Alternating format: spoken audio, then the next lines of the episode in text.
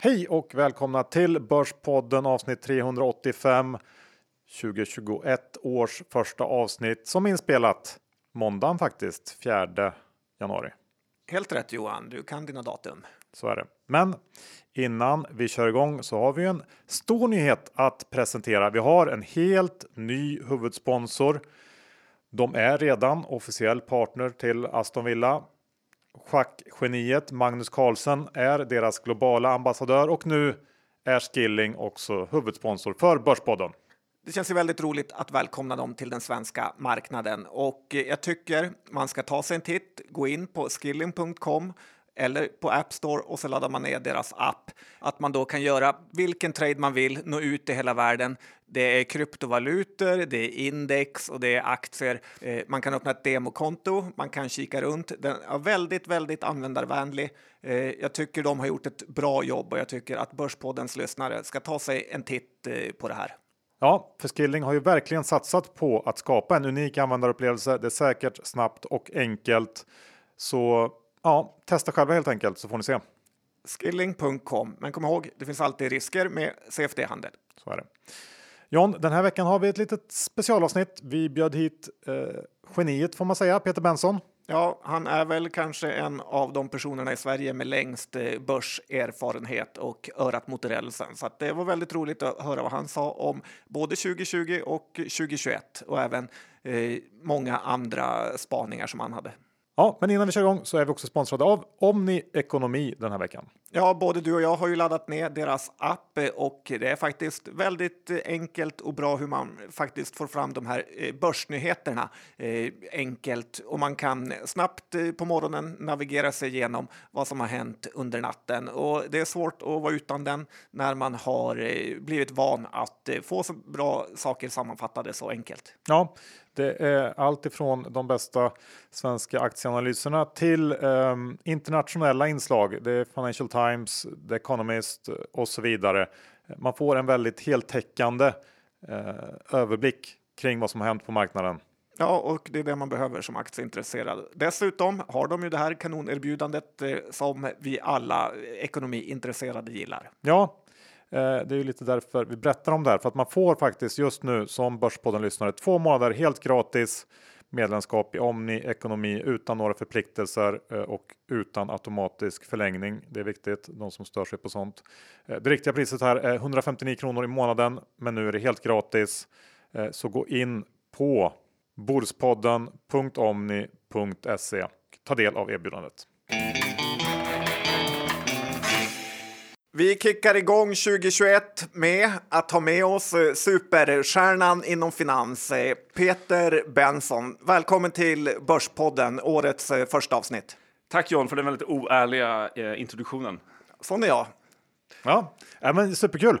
Um, vi kör väl igång direkt va John? Med, uh, vi kör tio snabba för att få fart på det här. Ja, herregud. Ja. Är du redo? Årets första, första fråga kommer så här, och även den tröttaste frågan. Står börsen högre eller lägre om ett år? Ja, det var den tröttaste frågan. Och vad svarar du? Lägre. Du är toppboss på affärsvärlden. Eh, hur ser annonsmarknaden ut nu? Förvånansvärt bra faktiskt för oss. Ehm, jag trodde vi skulle tappa 90 eh, procent, men det är ganska bra. Det sägs i House of Cards att eh, makt är härligare än pengar. Stämmer det? Uh, nej. Du älskar pengar för mycket? nej, men jag, jag, jag tycker liksom det som är kul med pengar är värdesätter jag mer. Friheten och möjligheterna och, och stimul, det stimulerande i att liksom eh, testa sina idéer och få rätt och, och, och känna en hacka. Liksom. Så att, eh, det är roligare. Men det här med att alla amerikanska eh, stor-Trump-liknande eh, personer vill bli president eller senator, vad säger du om det fenomenet? Jag vet inte om alla är en riktigt adekvat beskrivning, men eh, det finns ju ganska många rika människor i USA och det är väl klart att någon promille av dem kommer vilja bli president och då har ju de resurserna. Så, så att jag är inte så säker på att eh, det pengar gör är att du förstorar ju folks personlighet, eller deras möjlighet att exponera sin personlighet. Så att, så att har du liksom 100 000 miljardärer så är det klart att det kommer finnas massa knäppisar där som kommer kunna visa upp det väldigt publikt. Mm, rimligt svar. Om du bara fick ha eh, alla pengar i ett bolag, vilket blir det? Affärsvärlden. Oj, det, om på ta, tal om trött eh, svar i sådana fall. Vilken är din Nej, men då favorit? säger väl Investor då, det är ännu tröttare. Ja, faktiskt. Ja. Rekord i trötthet. Eh, vilket är eh, din favoritsektor på börsen just nu? Jag vet, jag har ingen. Jag har ingen. Vadå favoritsektor? Vad är ens en sektor? Ja, om du gillar it-konsulter eller Nej, det, är, ing- det är bettingbolag. ingen eller... sektor, det är tre bolag kvar, alla är borta. Jag vet inte, liksom... Verkstad ganska spretigt också. Jag, jag, jag har aldrig förstått det här med sektorer riktigt. Vilket bolag eller vd om du vill eh, har klarat coronakrisen bäst? Enligt dig? Nej, ingen aning. Eh, Hur jämför man det? Jag, menar, jag, tycker så här, generellt har ju, har ju de flesta bolag klarat den väldigt, väldigt bra. Eh, Verkstad, alltså all, det, det finns ju inga, och till och med de här krisbolagen har ju liksom inte säckat ihop. Alltså de, är- det är inga konkurser, det är ingenting om vi pratar stora bolag. Nej, bra svar. Eh, Kommer nollräntan att vara kvar för evigt? Eller i alla fall närmsta fem, eh, tio åren? Tio år är lång tid, men eh, tre, fyra år, liksom cirka noll, låg ränta, ja, det kommer fortsätta. Men, men fem, ja, ja, länge kan vi säga. Vem ryggar du helst? Ilja eller Selin? Selin. Och slutligen även den frågan vi ställde förra gången du var, besökte Börspodden. Vilken är börsens största scam artist just nu? Eh, efter de här så känner jag mig själv som den eh, personen. Men eh, största scam artist. Det, ja, vad, vad tycker ni? Vi vill ha ditt svar Peter. Ja, vi pratade lite om det här prime living innan vi gick in hit. Eller slog på mikrofonerna. Crime Living som du kallar det i din eh, egen podd. Crime Living som jag kallar min egen podd. Och eh, jag ska inte säga att det är störst, men jag kommer att tänka på dem, för de var nog det största skambolaget eh, under en tid. Men nu har ju Ilja, som ni just nämnde, gått in där och jag är förvånad att de kör så hårt med minoritetsaktieägarna. Att de vågar, att Ilja vågar det, liksom. han, han som har sin publika profil att tänka på. Eh, han, är, han är garanterat inte börsens största scam artist, men, men ehm, det är ju alltid en gråzon. Vi är denna vecka sponsrade av Nextory. En boktjänst som du prenumererar på månadsvis. Du får läsa och lyssna på hur många ljud och e-böcker du vill i din mobil eller surfplatta. Helt nonstop om man vill det. Och varför ska man då eh, skaffa ett sånt här konto eller abonnemang? Jo, läsningen blir faktiskt äntligen av. Och det här eh, har ju både du och jag märkt av John. Ja, för det tar ju så sinnessjukt lång tid att läsa en bok medan lyssnar du på den medan du gör annat. Böckerna är ju ofta inte längre än mellan 5 till 10 timmar, så hux flux har man rivit av en bok på lite dagspendling. Ja, jag eh, har fått tummen ur och äntligen läst eller lyssnat på i mitt fall. Tänka snabbt och långsamt av Daniel Kahneman, den eh, kända eh, beteendevetaren, psykologen eh, och mycket i den här boken kan man faktiskt med fördel applicera på sitt eh, investerande på börsen. Ja, men då tycker jag att man ska eh, lyssna på den med tanke på hur bra det har gått för dig. Du då? Ja, jag har eh, inte kommit dit än, utan jag väljer Michael Owens bok Reboot My Life. Och eh, den är en väldigt kul bok om man gillar engelsk fotboll och får inblick i det engelska eh, landslaget. En favoritepisod är när Michael Owen ska lägga straffen i kvartsfinalen i VM mot Argentina. Och han frågar Alan Shearer vart han ska skjuta bollen. Så säger Alan Shearer till han Just put it in the fucking net. Lite tuffare kultur där och jag gillar England jag gillar engelsk fotboll. Så den här tycker jag man ska lyssna på. Ja, kul tips. Och just nu har vi ett väldigt fint erbjudande till alla Börspodden-lyssnare. Alla nya medlemmar får möjlighet att testa Nextory 30 dagar helt gratis. Det enda man behöver göra är att gå in på länken nextory.se kampanj och sen ange koden Börspodden. Ja, det är inget att tveka på. Nej, nextory.se kampanj kod Börspodden för 30 dagar gratis. Bra, då var 10 snabba eller vad det nu blev avklarade. Ja, Ska inte vi- så snabba. Nej, men ska vi gå över till, till jag tänkte vi kan börja med att prata lite om um, affärsvärldens 2020. Vad har hänt? Det var ju året som uh, Börsplus på något sätt mergades in i affärsvärlden eller bytte skepnad.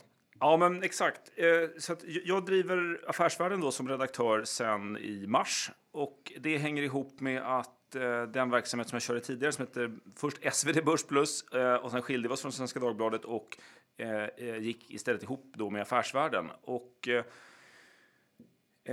så att vi är en ny besättning där och det är första gången på 50 år tror jag som, som den här stiftelsen som äger varumärket har så att säga bett en ny aktör att ta över driften av tidningen. Eh, och varför blev det så? Ja, det får du fråga dem som PR-svaret brukar vara. Men, men, man kan väl säga att affärsvärlden, likt alla tidningar, står ju inför en massa utmaningar och har gjort så de sista 20 åren. Och, och likt många tidningar så har man kanske inte riktigt liksom löst de där utmaningarna helt och hållet.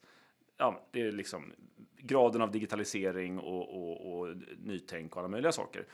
Eh, och Eh, då fick vi förtroendet att ta över i mars och vi hoppas på få 50 år på oss att visa eh, att det visst går att tjäna en massa pengar och göra någonting jättebra med eh, magasin och affärsjournalistik framåt. Men vi har ju sett andra magasin, typ Veckans Affärer, har ju fått lägga ner. Finns det verkligen en framtid, framförallt med dagens ungdom som liksom vill scrolla igenom Instagramflödet, att läsa så här långa artiklar? Finns det en framtid för det? Ja, det är väl en öppen fråga och, och det är väl upp till oss att, att bevisa det. Jag, jag tror så här, de som är unga blir också gamla någon gång och de som eh, har lite mer liksom stamina och, och, är lite smartare, de kommer ju inte hålla på med Instagram, utan de kommer ju hålla på, de kommer ju ge sig in och börja, alltså de, det finns ju ett beteende som leder till framgång och det beteendet är ju att man liksom orkar med fördjupning, orkar med eh, ta till sig analys, orkar med Eh, eh, liksom saker som inte bara är liksom omedelbar behovstillfredsställelse. Eh, och vi har ju en superliten nisch eh, som vi behöver försvara av eh, aktienördar, eh, eh, eh chefer på börsbolag, folk som vill vara insatta. Och, och jag är 100% säker på att det finns Eh, ett utrymme för betald media. Det tycker man ser överallt också. Sen kan man diskutera hur stort kommer det utrymmet vara? Kommer man ha samma position Eh, kommer media samma position framåt som man haft historiskt? Nej, det kommer man ju såklart inte. Men det kommer finnas. För, eh, och inte minst, inte minst eh, analys som vi lägger liksom, ja, men drygt hälften av vårt krut på. Eh, det är någonting där liksom det här oberoendet har ett värde och Eh, det finns ju massa duktiga liksom bloggar och twittrar och hej och hå där ute. Men, men det är ju inte, det är ju inte en heltäckande bild och det ger inte en uh, oberoende bild heller. Charlie Munger brukar ju säga att hans viktigaste egenskap är att han kan koncentrera sig på en sak eh, väldigt länge. Ganska långt ifrån Instagram, aktieraketer, kontot kanske. Ja, kanske. Jag har inte varit inne där så mycket, men jag förmodar att han inte är det heller. Men kan du inte berätta lite om hur ni går tillväga när ni analyserar bolag? Vad är er styrka jämfört med Eh, kanske andra analyshus. För om man tittar på det ni gör så täcker ju ni väldigt, väldigt många bolag jämfört med kanske analytiker på storbanker som bara har kanske fem, sex, sju bolag. Eh, nej, men det, det, det, är många saker i det där. Eh, dels tror jag ganska mycket vår, liksom, vårt arbetssätt där vi är, är rätt samspelta och, och, och har liksom en, en process och en struktur som, som vi har kört i väldigt många år och som funkar väldigt bra faktiskt. Eh, Eh, och sen så är det ganska mycket mentalitet också. Att jag tror att vi, vi, eh, vi är ganska... Vi håller huvudet kallt om man säger så. Vi, vi, vi blir inte för kära och vi blir inte för hatiska till saker och ting, utan vi, vi ganska ser på det ganska nyktert. Eh, och sen att vi kollar på så mycket aktier, det är, bara, det är väl helt enkelt att, att, att vi kan ju kolla på precis vad vi vill, medan eh, om du tar Carnegie som du nämnde, den typen av hus, de måste ju fundera på var finns ja, courtage eller var, var finns eh, nästa företagsaffär eller sådana här saker. Och, så att, eh, och sen så, men det är lite en nisch också att, att, att eh, det är rationellt för oss att skriva om mindre bolag eh, och vi kan vara all over the place. Så vi är inte specialister heller. Det är ju många nyintroduktioner på börsen nu. Eh, och ni går ju igenom dem och brukar hissa mm. olika flaggor hit och dit. Eh, vad säger du om kvaliteten generellt på bolagen som vandrar in på börsen just nu? Mm. Svårt att säga. Vi, vi är på något sätt sent i cykeln och jag hade kanske tänkt, jag hade kanske trott att det skulle vara ännu risigare så här dags i, i cykeln. För det brukar vara så att kvaliteten blir rätt risig nära en topp och, och den är inte så himla risig tycker jag, kvaliteten. Men den är nog ändå lite sämre än vad den var. och det, det är fler liksom minibolag, och det, eller fler, det är alltid väldigt mycket minibolag. Ehm, och de, de, det är lite svårt att liksom jämföra dem med ett EQT. De är ju väldigt olika djur. Liksom. Ja, jag har sett att ni gått igenom några danska små minibolag där. Då får jag i alla fall en känsla av att vi är hyfsat nära toppen. Ja, men det är alltid intressant när, när folk från, från andra länder tycker att det är mycket bättre att sälja aktier till svenskar än till sina egna landsmän. Men hur, hur har det här året varit? Och det var ju första året som vi börjar med att säga som, eh, som ni har kört affärsvärlden. Hur har det gått att gå ihop? Och det var ju liksom, du körde börsplus innan.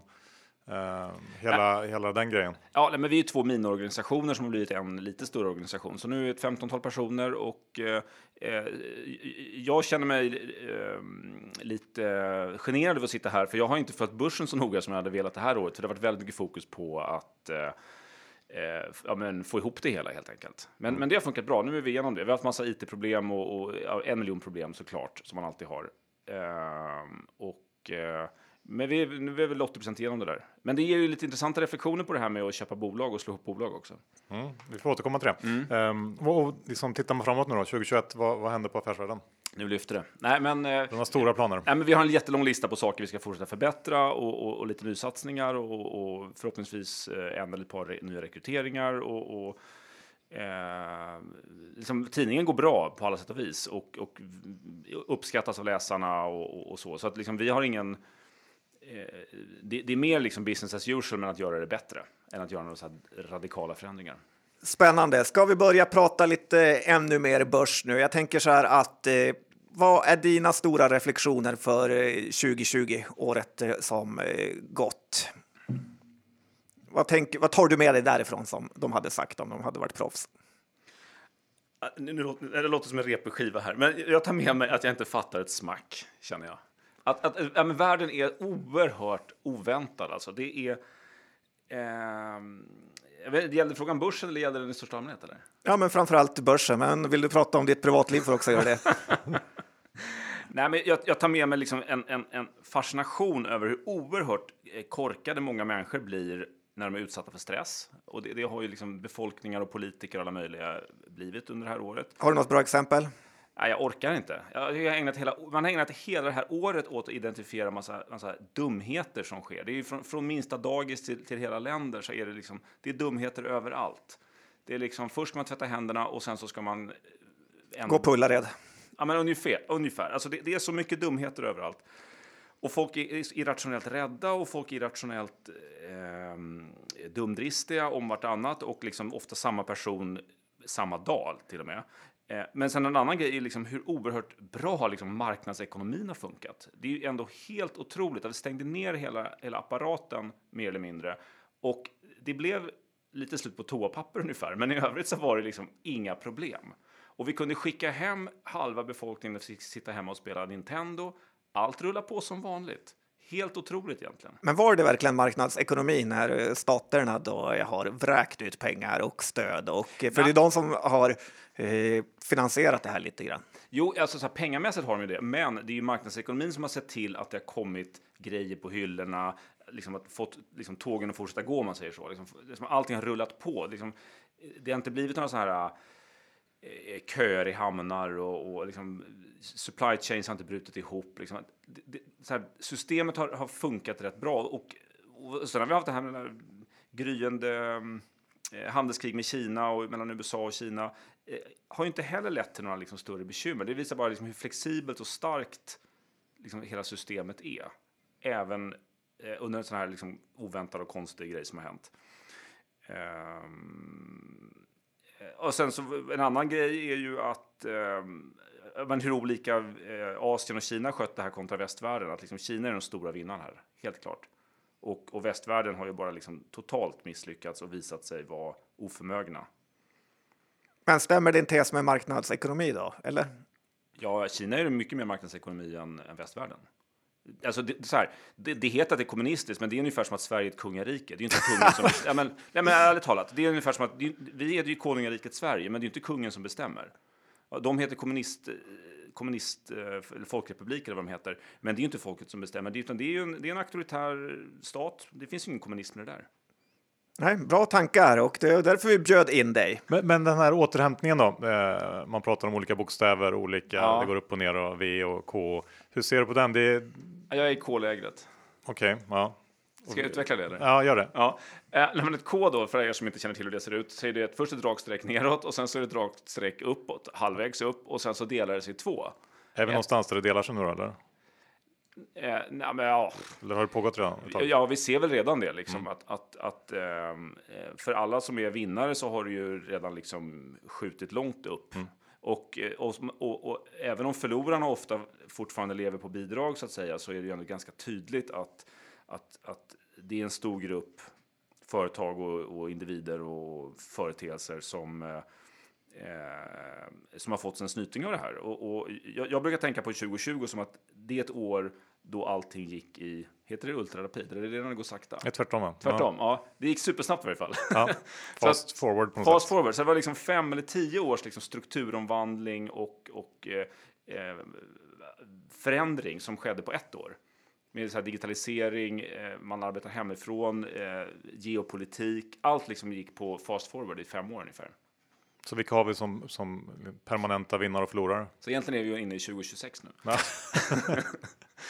Nej, men är de, är- har börsen gjort rätt här då? De, de här, det är som, inte vet jag, eh, handel, retail, liksom, eh, kontor kanske, det är förlorare, Ja, res, i- flyg, eh, affärsresor. Ja, i, rikt, i riktning så tror jag att man har gjort ganska rätt. Mm. Ehm, eh, men det är ju inte, det är inte så att varje techaktie är rätt värderad eller någonting sånt där. Men riktningen tror jag är helt rätt. Eh, och, och, och om vi kollar liksom flyg och affärsresor, det är inte, det, tittar jag på de börskurserna så drar jag slutsatsen att de får några jobbiga år, men att det sen är back to business. Mm. Men så här, SAS har ett högre börsvärde nu än vad det har haft på jättelänge. Mm. Det är ju för sig helt sjukt i sig, men, men eh, ehm, Men ibland får man ju känslan, i alla fall jag, att det är nästan som två ekonomier. Det är en Byggmax, det är en SSAB och Skistar och sen har man den andra ekonomin med eh, Bambooser och Ja. eh, eh, Zoom och andra bolag som fullständigt lämnat någon typ av eh, rimlig värderingsnivå och eh, de styrs av något helt annat än eh, vad, man, vad liksom vanliga börskurser brukar eh, styras av. ja, men eh, precis så känns det.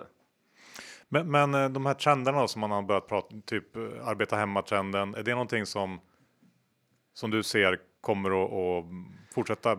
Ja, det tror jag. Och, och jag tror att den... eh, Det blir ofta lite så här puttinuttigt att folk håller på och delar sina egna små erfarenheter och det är så skönt jag kan åka och göra så här och så och yoga på lunchen och sånt där. Men, men det, jag tror faktiskt att det är en ganska stor samhällsförändring för, för att det öppnar upp när företagen riggas om, alltså när, när, när, när helt nya företag, inte helt nya, men alltså när, när, när företag efter bransch efter bransch liksom riggas om för att man ska kunna ha en stor del av de anställda hemifrån helt eller delvis, eh, då kommer det också, också öppnas upp mycket mer möjligheter att att eh, du kan helt enkelt, om vi tar engelskspråkiga länder så kan de ju outsourca mycket mera, offshora mycket mera. Och det blir en helt annan konkurrenstryck eh, på, på, för, om jobb. Alltså, företagen kommer, kommer ha mycket större pool att rekrytera ur om du kan ha distansarbete. Eh, och sen så tror jag liksom det här är ju inget originellt med det, men jag tror, jag tror faktiskt att det kommer få, få eh, konsekvenser för kontorsmarknaden och, och i ett land som Sverige så är liksom fastighetspriser inte helt oviktigt. Mm. Men är det inte lite överskattat det här med eh, kontorsplatser för företagen och liknande? För att det är ju inte sån enorm kostnad för många företag att man hakar upp sig lite för mycket på det. Att de har sitt kontor, ja, det kommer de fortfarande ha. Eh, Medan eh, aktiemarknaden tror att det är någon fullständig game changer. Ja, fast, fast liksom hyrorna i Stockholms innerstad har gått från så här 4 000 till 10 000 och, och nu ner igen till kanske 7 000, vad vet jag, om vi, eh, kvadratmeter för något fint kontor. Eh, och det är ju inte för att det har, någonting har dubblats, utan det är ju den här mar marginalförändringar. Har du en ganska statiskt eh, utbud så kan ju, så kan ju liksom förändringar på marginalen på efterfrågan kan ju få ganska stora konsekvenser. Jag menar, liksom, man bara gör den här matten att, att, att man i snitt behöver 10 färre kvadratmetrar Ehm, eller 5 färre kvadratmeter kanske räcker. Men, men, och sen så har du hela tiden att det kommer in nya kontor eh, som är liksom ligger i pipe och så får du lite vakanser och så får du lite, eh, lite och då kan du få ganska mycket hyrespress. Eh, och sen så lägg på då att investerarna blir oroliga och ska ha lite högre yield. Eh, lite högre yield-krav på det här. Så att liksom lägg på 5% vakans, 10% hyrespress och sen så en procentenhet högre direktavkastningskrav. Eh, så är det inte så kul för fastighetsaktier om man sitter på kontorskåkar. Jag säger inte att det här kommer hända, men, men varför inte? Och så kan man lägga till 10 års uppgång med på aktierna så har man ju ändå lite nedsida. Ja, rimligen. Rimligen. Så att, um... Har du något bolag du passar dig lite extra för? Inom fastigheter? Ja. Eh, nej, eller så är det liksom, jag menar, de här liksom renodlade kontorsbolagen utan spets, eller renodlade, men liksom så här, liksom tråkkontorsbolag ser jag ingen anledning att ha. Eh, men ehm, eh, huvudstaden som ni snackade om förra det tycker jag är lite spännande. Ja, faktiskt. Eh, för, men det, för det, det, det ser jag som, det är en unik tillgång och i en geografi där, där även om det inte NK kommer vara ha samma omsättning som tidigare och, och kontorshyrorna kommer gå ner lite så är det ändå liksom, det finns en alternativanvändning där som måste vara jättefin. Men hur har ni själva gjort på Affärsvärlden? Jobbar ni hemifrån eller jobbar ni på kontor? Eller vad, har ni minskat er kontorsbehov? Ja, men vi har jobbat hemifrån och kommer, minsk, kommer ha mycket mindre kontorsbehov framöver än vad vi hade för ett år sedan. Om vi säger så. Um, och, och, det är inte bara det här, det är lite alla möjliga skäl till det. Men, men det, vi satt väldigt stort förut. Men, um, uh, men jag tror att i takt med att liksom, kontrakt löper ut. Och det här händer ju liksom inte över en kvart, utan det här händer ju över fem års tid i takt med att nya kontrakt löper ut. Och det kanske jobbigaste är inte de kontrakten som löpte ut nu i år, för då har man inte hunnit tänka om. Men de som löper ut om två, tre år, då kanske liksom ledningsgrupperna har hunnit tänka om och hunnit rigga om sina organisationer. Men jag tänkte på det du sa innan att det är en större rekryteringspool. Har du testat något av det själv? Typ eh, anställa någon i, som inte bor i Stockholm eller eh, att ni andra delar av landet där kanske lönerna är lite lägre? Ja, men, men journalistik är ju lite, liksom, har ju redan, lite grann redan varit där så att säga. Att, att, att det funkar ganska bra att jobba på distans och, och vi har ju alltid massa så att säga frilansare och, och eh, vi har, även, vi har även anställda och även tidigare haft anställda som har jobbat på distans och bott i Göteborg eller Örebro eller var som helst. Eh, och det funkar hur bra som helst. Ja, men som sagt, 2020 spännande år och sen så kommer ju vaccinet till slut. Um, innebär det här att allt blir som vanligt nu snart? Eller vad tror du? Vad, hur ska man se på det här? Ja, men, tusentals små och stora idiotier kommer liksom ligga kvar, eh, både hos individer och företag och stater. Massa konstiga eh, liksom speciallösningar och sånt där. Men, men det, blir ju, det kommer ju sjunka undan och jag, jag tror ju att om tre, fyra år så kommer vi inte, då kommer vi ha glömt bort ganska mycket av det här. Eh, och, och, nu allt snack om att liksom, åh, nu kommer vaccinet, nu ska börsen upp. Jag fattar liksom inte varför skulle den göra det? Det måste väl vara det mest inprisade vi kan tänka oss. och sen så börjar folk säga, ja, men tänk om det blir försenat. Ja, men vi har ju sett att det funkar väl om det blir försenat några månader. Det kan men, inte heller vara hela världen. Hur ska man ställa sig till till um, till coronavinnarna och förlorarna då, givet vaccinet på något sätt inför 2021? Typ bolag som säger, om man tar, vi har sådana som Byggmax och de som, som uppenbart tjänar ganska mycket på att folk var hemma. Eh, och även liksom dataspelsbolag och, och Ja, alltså, men om, om, om, om, om den här work from home idén har någonting med sig. och Den andra delen av den är ju inte att bara företagen tycker att det är kul, utan det är ju att medarbetarna tycker att det är rätt kul också då kommer ju folk fortsätta vilja kokona hemma och, och snickra på sina altaner och hålla på och fixa.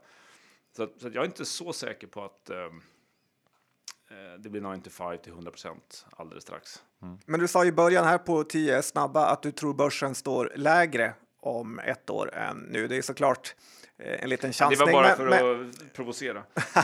ja, Johan blev jättearg sa ja. eh, Nej, men vad, du tror att, eh, som Johan sa när vaccinet kommer, att det ändå kan bli lite uppvaknande för eh, börserna, eller? Så här, alla verkar jätteöverens om att den ska upp och alla säger att det beror på det här vaccinet. Och jag, jag fattar liksom inte. Så vi har haft ett jättekonstigt år där, där börsen är upp trots den största chocken sedan andra världskriget ungefär. Eh, och nu kommer någonting jätteväntat och då ska den vara upp igen. Jag, jag, jag, givet... Manar till lite försiktighet kanske man kan säga. Då. Ja, men, det vore inte konstigt om, om den faller tillbaks lite. Liksom. Bara så. Men om vi går in lite på, på någon slags framåtblickande del av det här Om man får, pausa, om man får bara återkomma till det där innan. Det vi har lärt oss av det här året är väl att reala ekonomin och Eh, den finansiella ekonomin inte är samma sak. Vi kan ha den djupaste lågkonjunkturen ever och stigande börser och liksom eh, Twitter är fullt med människor som har dubblat sina pengar och tycker att de är genier. Liksom. Det funkar alldeles utmärkt att det går hand i hand. Så varför skulle det inte kunna gå hand i hand åt andra hållet? Att vi kan ha en, en, en realekonomisk återhämtning med en lite tröttare börs. Mm. Vi, vi pratar här i dagarna på kontoret om eh, eventuella likheter eller olikheter med IT-bubblan när man tittar på börsen nu. Eh, mm. Hur, hur, ser du på det? Vad kommer ni fram till? Att det fanns en del likheter ändå. Ja, nej, men det tycker jag absolut. Det, det finns massa likheter. Jag tycker den här mentaliteten hos många privatsparare, dels i Sverige men inte minst i USA verkar det som, det är ju en jättestor likhet att nu känns det som att det är retail på riktigt som driver rätt stora bolag och rätt stora liksom, eh, eh tillgångsklasser.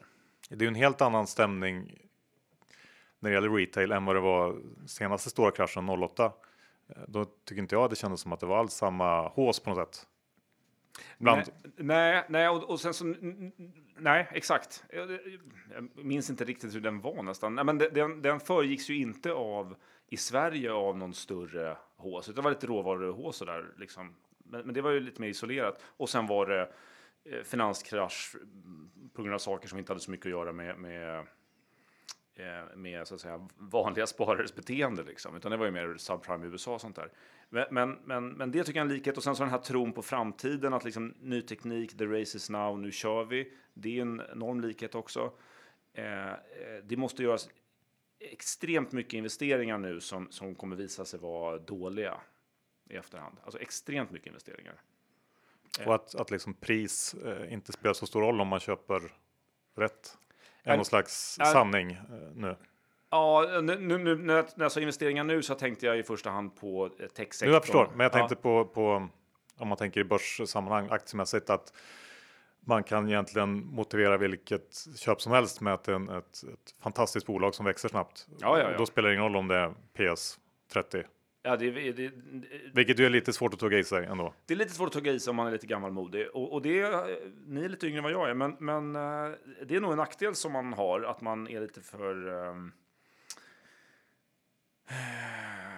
man är lite för seg i att ta till sig det nya paradigmet. Liksom. Uh, och jag tycker man ser det på den här hela, hela ESG och cleantech-svängen uh, också. Att det, är, det, är en, det är en härlig kombination av uh, konstiga flöden, konstiga produkter, uh, halleluja-stämning, allt möjligt. Mm. ESG, ja men ESG, nu tog du upp det själv. Hur ser du på det? Hela den trenden? Ja, jag är emot det. Nej.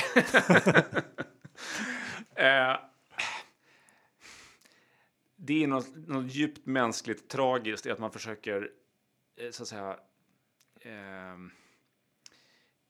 alltså man försöker kvantifiera och jämföra saker som är helt hopplösa att kvantifiera och jämföra så brett som man försöker göra. Eh, så att den här, den här EUs taxonomi, den kanske är bättre än massa alternativ, vad vet jag, men, men men det slutar ju ändå i grund och botten med den här grundfrågan. Ska man ha det renaste kolbolaget eller ska man ha ett vindsnurrebolag? Mm. Eller ska man försöka få det smutsigaste kolbolaget att bli bättre? Om vi tar några extrempositioner. Och det där är ju liksom, det är en, eh, det är en filosofisk fråga. Ehm, eh, så att liksom, det är väl jättebra att det är liksom är fokus på det här med ESG, men nu är det ju översatt till liksom arméer av finanssäljare som är ute och nasar olika så här gröna produkter till höger och vänster till massa människor som antingen är det privatpersoner och bara åh det är så bra med hållbarhet eller så sitter de i så olika kommittéer eh, Eh, placeringskommittéer och så är det någon som säger ska vi inte bara ha som policy att vi bara köper hållbara produkter eller fonder och då så orkar de ingen käfta emot och så blir det så och då går det in liksom enorma flöden av pengar i eh, eh, eh, ja, men i olika typer av hållbarhetsstämplade saker. Och det låter ju bra, men, men det, ja, det är lite osunt helt enkelt. Ja. Och den här sektorn tycker jag också alltid har varit liksom en av de främsta när det gäller att producera riktiga scambolag. Oh ja, oh ja. Eh, det verkligen öppnar upp för det. Ja. Olika apparater som gör saker. Ja. Ehm. ja och där, där vimlar det av scams. Men jag vet inte, har, har vi några aktuella riktigt risiga. Ni brukar prata illa om de här Minesto, men det är väl ingen scam? Det är väl bara liksom ytterligare ett teknikföretag som, som gör sitt bästa och kanske inte kommer lyckas.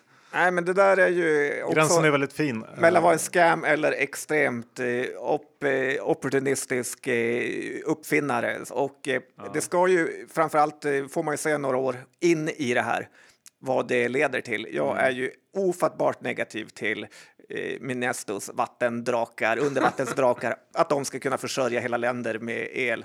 Men Jag tror inte att det är deras claim riktigt, men okej. Ja, men om, vi, om vi ska prata du är köpare eller? Nej, verkligen inte. Verkligen inte. Men, men eh, eh, det är ett exempel på ett bolag som jag uppfattar att de ändå liksom de gör sitt bästa och har nog druckit sin egen saft så att säga. De tror på det här själva.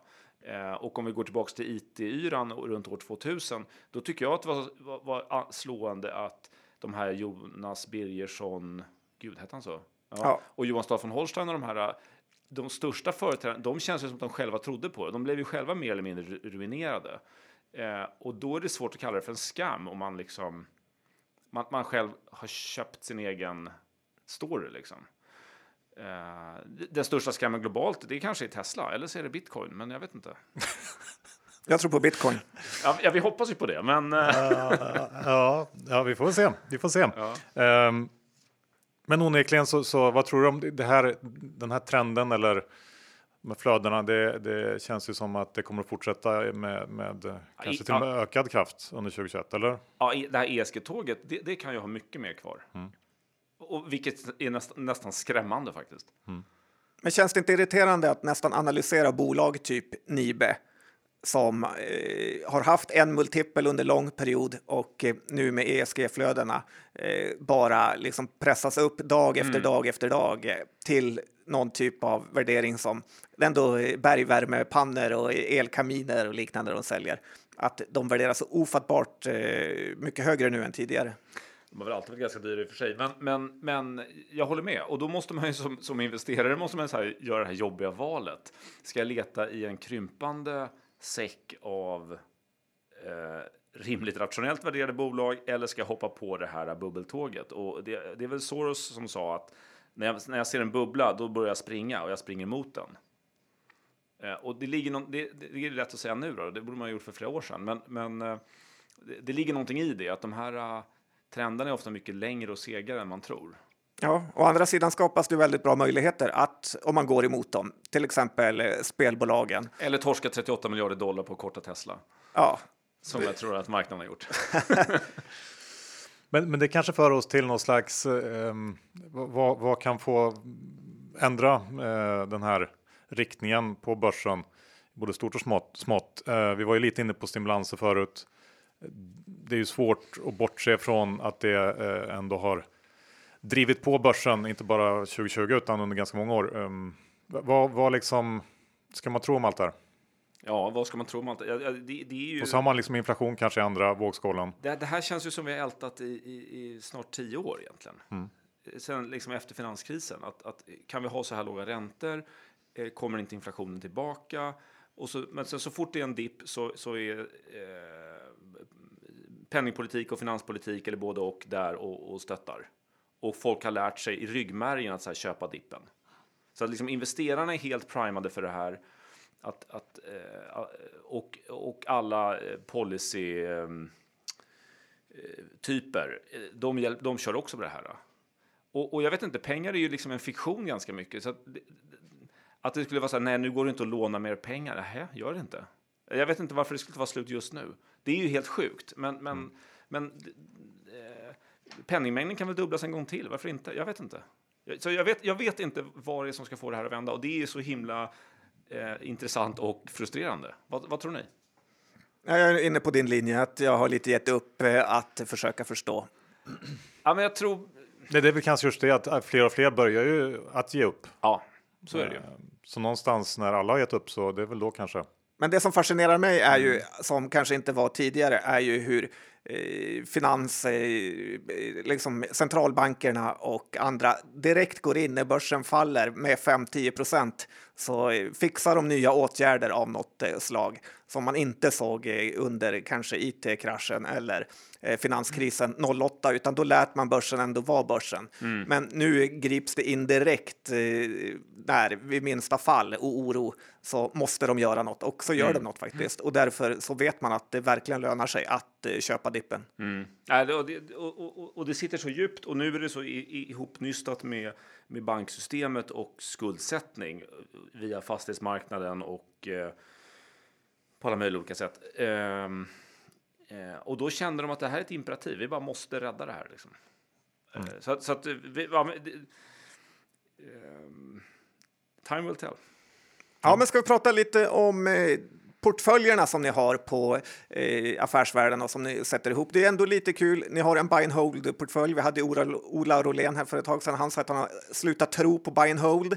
Var, Jaha, sa han? Ja, var, för att det förändras för fort. Man måste vara ja. mer aktiv och tittar man på finanstwitter så är det ju verkligen inte buy and holdarna som har levererat, utan eh, har man hoppat mellan olika vinnare så har ju det verkligen lönat sig. Vad säger du själv? Det finns väl massa sådana här uh, Evolution och Sinch fantaster också som har buy and hold att de tycker om. Ja, de har gjort det bra. Sinch, ja. har, man, har man den kombinationen i portföljen så har buy and hold lönat sig. Det var en bra buy and hold portfölj. Uh, nej, men den här var lite ro, det är en lite lustig portfölj som vi satte ihop för två år sedan tror jag, eller kanske tre år sedan.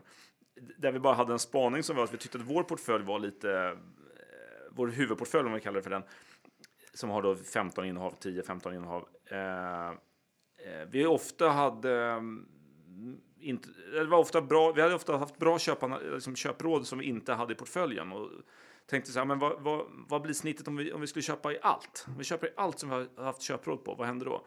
Och då har vi samlat på oss och köpt för en tusenlapp efter varje efter publicering av varje köpråd så har vi köpt för en tusenlapp i en liten depå på Nordnet som nu har vi så 140 innehav tror jag, helt sinnessjukt. Eh, och den här har gått liksom klart bättre än börsen. Eh, bara på, på den här enormt konstiga strategin som är att vi aldrig säljer och köper ju pyttelite i allt som vi tittar på och gillar. Eh, och det här är inspirerat av den här Motley Fool, om ni känner till i USA, någon sån här eh, finanstjänst. De har kört något liknande och också haft en fantastisk utveckling. Mm. Men vad är kraven då för att komma in i den riktiga portföljen? Eh, det är att vi lite mer kvalitativt ska tro att den här platsar. Så att, eh, eh, det är Daniel Svensson som är analysredaktör som, som har sista ordet, men det är lite grupparbete delvis också. Så att eh, vi fem, sex som skriver analyser diskuterar och, och bollar. Och, så det, är väl, det är väldigt mycket liksom stockpicking, men det finns ju någon typ av portföljtanke också, att det ska liksom inte vara för enbent. Det har blivit ganska mycket medicinteknik för att vi hittat bra saker där. Eh, och eh, så det har väl det har hjälpt oss ganska mycket, men det är liksom ingen tanke. Vilken har gått bäst då, buy and hold eller den aktivt förvaltade portföljen? Eh, förra året så gick buy and hold klart bättre. Den gick 30 förra året, vilket ändå är ganska bra. Vi 140 innehav.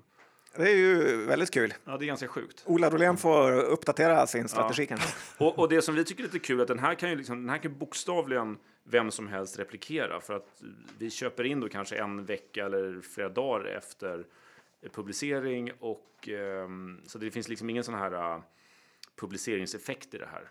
Kanske borde göra någon slags ETF av det. Kanske. Le levera upp den och hållbarhetsstämpla den. Ja, varför inte? Men jag kikar lite på den här um, affärsvärlden-portföljen, huvudportföljen. Uh, och ni har ju en del spännande uh, bolag. Jag tänkte till exempel på Nokia uh, som inte har rosat marknaden sista året direkt. Nej, trots att det kanske är ett techbolag, jag vet inte. Är det Äh, tydligen inte, får man väl säga. Vi trodde kanske att det var techbolag när vi köpte den. Jag vet inte. Det, det har ju varit ett, ett, dåligt innehav för oss. Um... Vad är känslan där? De hade ju en sån här uppdatering här i, för inte så länge sedan. Eh, med vad heter han, nya vdn Pekka eh, Lundmark. Lundmark, Just det. gamle Fortum-gubben. Eh, det, det, det, började som, det började som en liksom, lite turnaround-inslag för oss och nu är det väl lite mer turnaround-inslag. Eh, och, och, här har vi liksom den här jobbiga situationen, kursen har gått ner samtidigt som fundamenta har försämrats i form av att man har då blivit varse att Eh, Nokia gjorde något dåligt teknikval för några år sedan som de nu betalar priset för. Och sen så nu poppar det upp massa 5G-konkurrenter överallt, vilket ju är jättebesvärande för mm. Ericsson också. Så nu är så här, Samsung är ju fullt gångbar 5G-spelare. Mm. Så det är inte längre eh, bara Ericsson och Nokia i västvärlden, utan det är även Samsung. Och vi säger att Korea är västvärlden. Det är inte Kina i varje fall. Eh, Plus att jag läser massa intressanta saker om så här, en liten by i England bygger sitt eget 5G-nät utan prylar från de stora. Bara från Kjell Company. Typ. Nej, men på riktigt. Eh, I Japan så kör typ Rakuten, som är deras motsvarighet till Amazon ungefär, de bygger ett eget 5G-nätverk. Inga prylar från Ericsson och Nokia. De sponsrar ju Barcelona, kan man lägga till. Ja, det gör de. Okej, där ser man. Eh, Vietnam bygger helt eget kit också. Alltså hela landet. Känns lite oroande för, nästan mer oroande för Ericsson på något sätt. Mm, eller hur? Men ja, okej, men det är lite turnaround-stämpel på den. Eh, det köper jag. Ehm, sen har vi ju. eh, jag såg att ni har en del eh, sådana här coronaförlorare kan man säga. Både Millicom och Loomis kan man väl ändå stoppa in i den. I det facket. Vad ser, hur ser ni där? Eh, Millicom köpte vi väldigt bra, så det är nog en av våra bättre aktier. Om vi, om vi pratar procent nu under hösten. Så att, så att, eh, Och Där är det bara när, när nedstängningarna är klara så blir det back to business på något sätt. As usual. Eller? Ja, det, det är liksom jag menar, en teleoperatör som, som tjänar hyggligt med pengar och är någon slags växande ekonomier och till en då väldigt låg värdering. Och kanske lite budmöjlighet också. Kanske lite budmöjlighet. Så, så att det, det, Känner du att Johan lägger orden i munnen på dig? Eller? Tack Johan! Kan du berätta lite Han vill Johan, intervjua om... sig själv. Det är den här bitcoin-grejen som har gjort att han har blivit så här. Har du Millicom eller? Nej, Nej. Nej. Kanske blir det Jag haft, efter det här. jag hade under, under, eh, haft under 2020 men Ja. kommer inte ihåg vad det var. Jag blev besviken på någonting som vanligt så, så sålde jag. ja, det är ett svårt bolag. Jag har ju halvföljt det sen år 2000 tror jag, va? När de Ja. kom in. Ja, just nu kom jag på vad det var. Jag blev lite besviken att det, att det var så.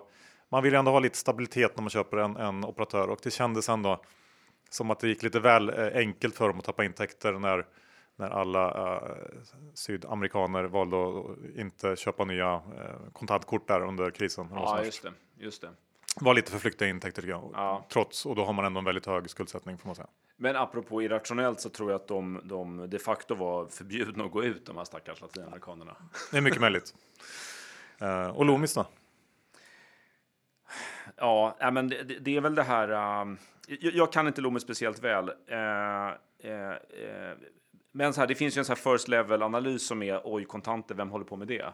Men, men eh, det som ofta händer är ju samtidigt att eh, när en marknad börjar krympa så minskar konkurrenstrycket enormt mycket och du kan liksom kan du få upp.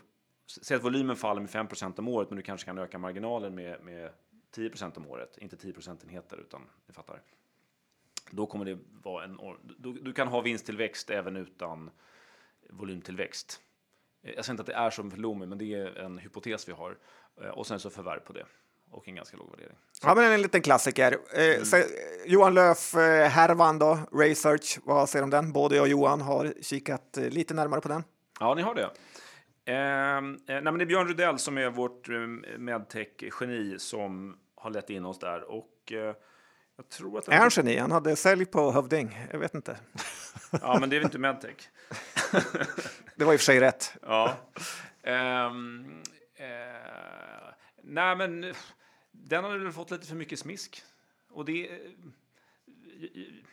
Så här, den som säger att de kan, har, har bra koll på racet får gärna räcka upp handen. Jag, jag har inte jättebra koll på det, för att det är ganska stora liksom, kontinentalplattor som håller på att röra sig med de här olika eh, Linux hit och dit och, och om, om eh, Varian och Philips och, och eh, vad heter de, Elekta ska jag hålla på med det här själva eller om de ska köpa in det eller liksom låta Research vara med på tåget. Det, det, det där pusslet är ganska svårt, kort sagt. Men sen har man väl där också en, en, ändå en tydlig coronaflorargrej i, i och med sjukhusen och deras fokus under 2020. Så att man kan ju tänka sig att det när det öppnar upp borde bli lite bättre bara. Ja, ja. Jag, jag, tycker, jag, tycker, jag tycker det är ganska konstigt. Jag, jag- jag, jag förvånas lite över den inställningen, för att om du tidigare värderade det här till liksom 20-25 gånger e, e, ebit, och nu pratar jag inte om research, utan liksom om det här liksom, någon slags avancerade teknik, medicinteknik, bolag, whatever. Om man har en hög värdering tidigare, då betyder väl det att det viktigaste är inte närmaste 12 månaders intjäning. Det betyder väl att du ska titta långt in i framtiden och vad ska de tjäna långt in i framtiden, inte närmaste året. Så, så att det är jättekonstigt för mig att handla ner en högvärderad aktie på att det blir ett då- dåligt år. Om det finns en rimlig förklaring till det dåliga året. Det här är bra grejer. Ja, och det där kanske för oss in på, på nästa område, det här med långt in i framtiden. Eh, det här med, med, vi har ju ett antal sådana här superaktier, supervinnare på börsen. Du har skrivit bland annat en krönika om, om Embracer eh, som jag tyckte var, var, spännande här för inte så länge sedan. Vi har Evolution som också är ett sånt där bolag som bara tuffat på. Eh, vad, vad, är din inställning till de här eh, bolagen och aktierna? Ja, men jag är kluven, fast jag inte känner mig så liberal. Det var, eller folkparti, det var en folkpartist som sa det tror jag, att jag var kluven. Ehm, så här, ni nämnde Ola Rolén och eh, Hexagon är ett bolag som har haft perioder där folk har liksom sagt att nu är festen över. Nu har du hållit på sedan 97 eller 99 eller vad det nu är. Nu, nu funkar det inte längre och det har funnits perioder där det har varit blankare och det har varit en skam och det har varit hitan och ditan liksom. Men det har bara rullat på. Och sen finns det massor med exempel på, på bolag. Alltifrån så här Securitas Assa Abloy som gjorde det väldigt bra under kanske tio år, men sen liksom knakade ihop och så hade de sju svåra år efter det. Nu har Assa Abloy kommit tillbaka kan man säga, men, men ehm, och sen så har du massa av de här bara rena lycksökare som misslyckats och som vi inte ens kommer ihåg namnet på nu. Och det är lite svårt att veta vad de här är, om det liksom är, är nästa Ola, Ola Rolén eller nästa så att säga Framfab. Och jag tycker det finns inslag av både och i det här. Men det finns en hel del framfab-inslag tycker jag nog. Mm. Framfab, för er som inte minns, var då en, en av de mest hypade it-konsulterna år 2000. Eh, och det var liksom, det, det, det, var inte ett oseriöst bolag för fem öre, tvärtom. Det var liksom, de var ju rätt på bollen och, och, och, och gjorde mycket bra, men de, de eh, vi ska inte dra den jämförelsen för långt, för det var, ett, det var mycket mer koko än vad det här är.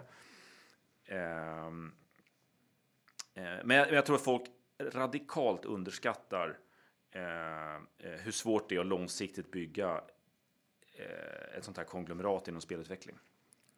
Så här, det vore väl jättekul om, om, om det rullar på. För, för jag uppfattar liksom eh, det som så här gedigna och duktiga och seriösa personer bakom båda de här bolagen som du nämner. Eh, och även så här Sinch och, menar, och, och det är en sak som skiljer, att det känns ju som det är mycket, mycket rejälare den här gången eh, om vi pratar bland de här större bolagen. Man får ändå lite, och det kanske är för att man inte har hängt med riktigt, men att Evolution är värt lika mycket som Essity och liknande gör ju att eh, eh, det är lätt att tycka att det har gått lite fort, fast man kanske bara har varit eh, puck trea. Ja, ja, ja, ja, ja, who knows? det är den här diskussionen, så här, hur svårt är det här att kopiera? Och den diskussionen har vi ju haft sedan de här börsnoterades och, och än så länge är det tydligt vem som har haft rätt så att säga. Eh, att det här är jätteunikt och jättesvårt och, och man ska minsann ha jättehöga marginaler på det här. Och, och, det är väl bara att gratulera om det är så, men, men ehm, eh, väldigt, väldigt, många marknader brukar ju sluta med att, att, att det blir mer konkurrens och att marginaler ehm, eh, konkurreras bort. Liksom. Ja, men eh, bra eh, svar där. Jag tycker innan vi släpper iväg dig här Peter så har jag tittat lite på dina innehav som du publicerar på eh, Affärsvärldens oh, sida. Spännande. Vi kan väl dra dem lite, lite fort. Det är Academedia, Alm Equity, Attendo, Bahnhof, Ework, Green Landscaping, Kallebäck Property, Nokia, SB-banken, Scandidos, Swedbank, Tobii och Traton. Har du något bolag där du vill lyfta fram lite mer? Nej, Uh, Oväntat svar ändå. uh, uh, nej, jag, jag, skulle kunna lyfta fram... jag sålde Studsvik nu för ja. några veckor sedan bara mm. faktiskt. Det är mm. min senaste affär. Och de har jag haft, du, du, ni nämnde dem i förra podden tror jag. Ja, kanske var. Eller för, ja. Mm. För vi höll ju på att titta på dem lite grann tillsammans för då fyra år sedan kanske. Ja, något sånt. Och sen var de ju uppe och sen var de ju nere och sen så har jag bara glömt bort dem där och sen så helt plötsligt vaknar man upp en dag och sen har den liksom helt plötsligt blev det en bra aktie. Ja. Jättekonstigt. Ja, det är konstigt. Eh, och det är lite kul. Så det kan ju vara en tröst när man tittar på sina surdegare i portföljen. Så tänker man att det kanske, det kanske blir bra någon gång. Malte Edenius, eller vad han heter, som har varit en långkörare i Studsvik och köpt så länge man eh, minns. Får vi skicka ett litet grattis till honom som har cashat hem. Stora avtal idag också på morgonen faktiskt. Ja, ja 100 ja. miljoners ja. Ryssorder. Ja, ja men det är kul ändå att, att, att nya vdn där verkar ha, ha lyft hela det där. Ja, det är intressant för hon verkar vara långvägare. Hon äger inga aktier tror jag, eller bara pyttelite i varje fall. Mm. Så, så att, ja, jag sålde som sagt. Kände att Men ehm, Kanske man Green hoppas att, Landscape. Ja. hoppas att det är någon slags eh, ny renässans för, för kärnkraften i stort också. Kan jag bara få Ja, en liten gärna. kommentar på Green Landscaping? Jag är alltid fascinerad över din fas- fascination av Green Landscaping. Vad är det du gillar med eh, folk som åker runt och kapar träd? Och städar i parken. vad, ja, vad, vad är det du ogillar med dem? Det är människor de också. är det det? Nej, men eh, Eh, det är ett ganska bra, tycker jag, buy and build case helt enkelt. För att eh, om du har ett litet team som, som sköter en gräsplätt eh, åt kommunen i ena ändan så kan du bjuda bra på det i andra ändan. Och sen så eh, tyvärr som skattebetalare så får man ju säga att det- är antagligen så att det är ganska eh, bra att ha offentliga motparter, vilket de har också. Eh, ja, men jag, jag tror på det, det är bra folk, vd äger mycket aktier, jag gillar huvudägarna. What's not to like? Nu, nu har det gått upp en hel del, men eh, det är det aktier ska göra om man väljer rätt. jag vet, jag vet, absolut. Ehm, jag har inte haft dem så här jättelänge, jag köpte dem i, i ja, jag kommer inte ens ihåg, men, men det var i år liksom. Slutet av mars. Botten. Förmodligen. Ja. Förmodligen. Ja, men tack Peter för att du kom hit. Har du några avslutande ord du vill eh, avsluta den här podden med? Och eh, vi får eh, tacka dig för att du har ägnat en timme åt Börspodden och deras och våra lyssnare. Eh, nej, jag är ganska nöjd så. Du är nöjd? Ja, men då tackar vi dig. Tack så jättemycket, kul att vara här. Tack för det Peter och framförallt tack till vår nya huvudsponsor Skilling. Som vi sa i början, de är officiell partner till Aston Villa. Schackgeniet Magnus Carlsen är deras globala ambassadör och nu är alltså Skilling huvudsponsor till Börspodden. Skilling har satsat på en helt unik användarupplevelse. Det är säkert, snabbt och enkelt. Och vad ska man göra John?